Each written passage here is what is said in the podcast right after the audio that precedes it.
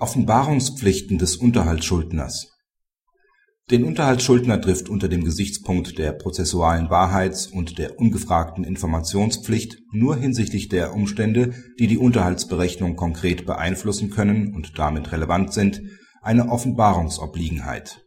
Bei lediglich unbestimmten Erwerbsaussichten ist dies zu verneinen. Das Verschweigen muss evident unredlich erscheinen. Die Eheleute werden 2002 geschieden 2006 wird der Ehemann zur Zahlung von nachehelichem Unterhalt einschließlich Altersvorsorgeunterhalt verurteilt.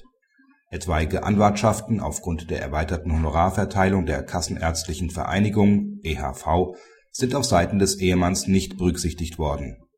Im Jahr 2006 beantragt der Ehemann ein Ruhegeld aus der EHV, welches ihm mit Bescheid vom 18.07.2006 zugebilligt wird 2009 ändert das Amtsgericht den nachehelichen Unterhalt dahingehend ab, dass ab August 2009 kein Unterhalt mehr zu zahlen ist. In diesem Verfahren informiert der Ehemann die Ehefrau erstmals über den Bezug des Ruhegelds aus der EHV. Die Ehefrau hatte ihrerseits den Altersvorsorgeunterhalt nicht zur Schaffung einer Altersvorsorge genutzt, sondern verbraucht.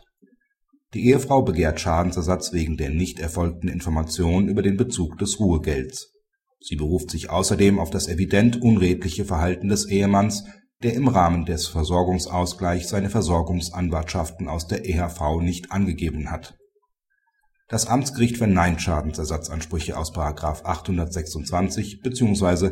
§ 823 Absatz 2 BGB in Verbindung mit § 263 StGB mangels vorsätzlichen Handelns des Ehemanns. Ohne spezifische Kenntnisse des Versorgungsausgleichsrechts ist einem juristisch nicht Vorgebildeten nicht zwingend bekannt, dass die EHV dem Versorgungsausgleich gemäß § 1587 Absatz 2 Nr. 4 BGB alte Fassung unterfällt. Der Ehefrau steht ebenso unter dem Gesichtspunkt der unterlassenen bzw. falschen Information über den Bezug eines weiteren Ruhegelds aus der EHV kein Schadensersatzanspruch gemäß § 826 bzw. § 286 BGB zu es fehlt an der erforderlichen Pflichtverletzung des Ehemanns. Eine Verpflichtung zur ungefragten Information durch den Ehemann bestand nicht. Nach höchstrichterlicher Rechtsprechung besteht eine Verpflichtung zur ungefragten Information für den Unterhaltsverpflichteten nur dann, wenn diese Information einen Abänderungsgrund darstellen kann und das Verschweigen evident unredlich ist. Der Ehemann hat die prozessuale Wahrheitspflicht, die sich aus § 138 Absatz 1 ZPO ergab nicht verletzt. Die bloße Antragstellung an die ERV stellt lediglich eine unbestimmte Aussicht dar. Die Bewilligung des Ruhegelds hängt von der Feststellung der Berufsunfähigkeit durch zwei medizinische Gutachten ab. Nach Abschluss des Verfahrens bestand keine Verpflichtung des Ehemanns, den Bezug des Ruhegelds ungefragt mitzuteilen.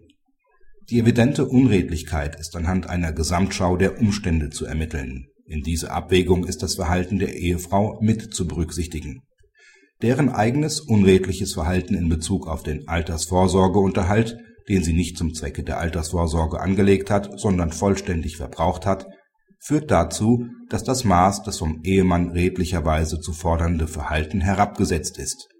Das bloße Verschweigen einer Einkommenssteigerung führt daher nicht zur Annahme eines Schadensersatzanspruchs.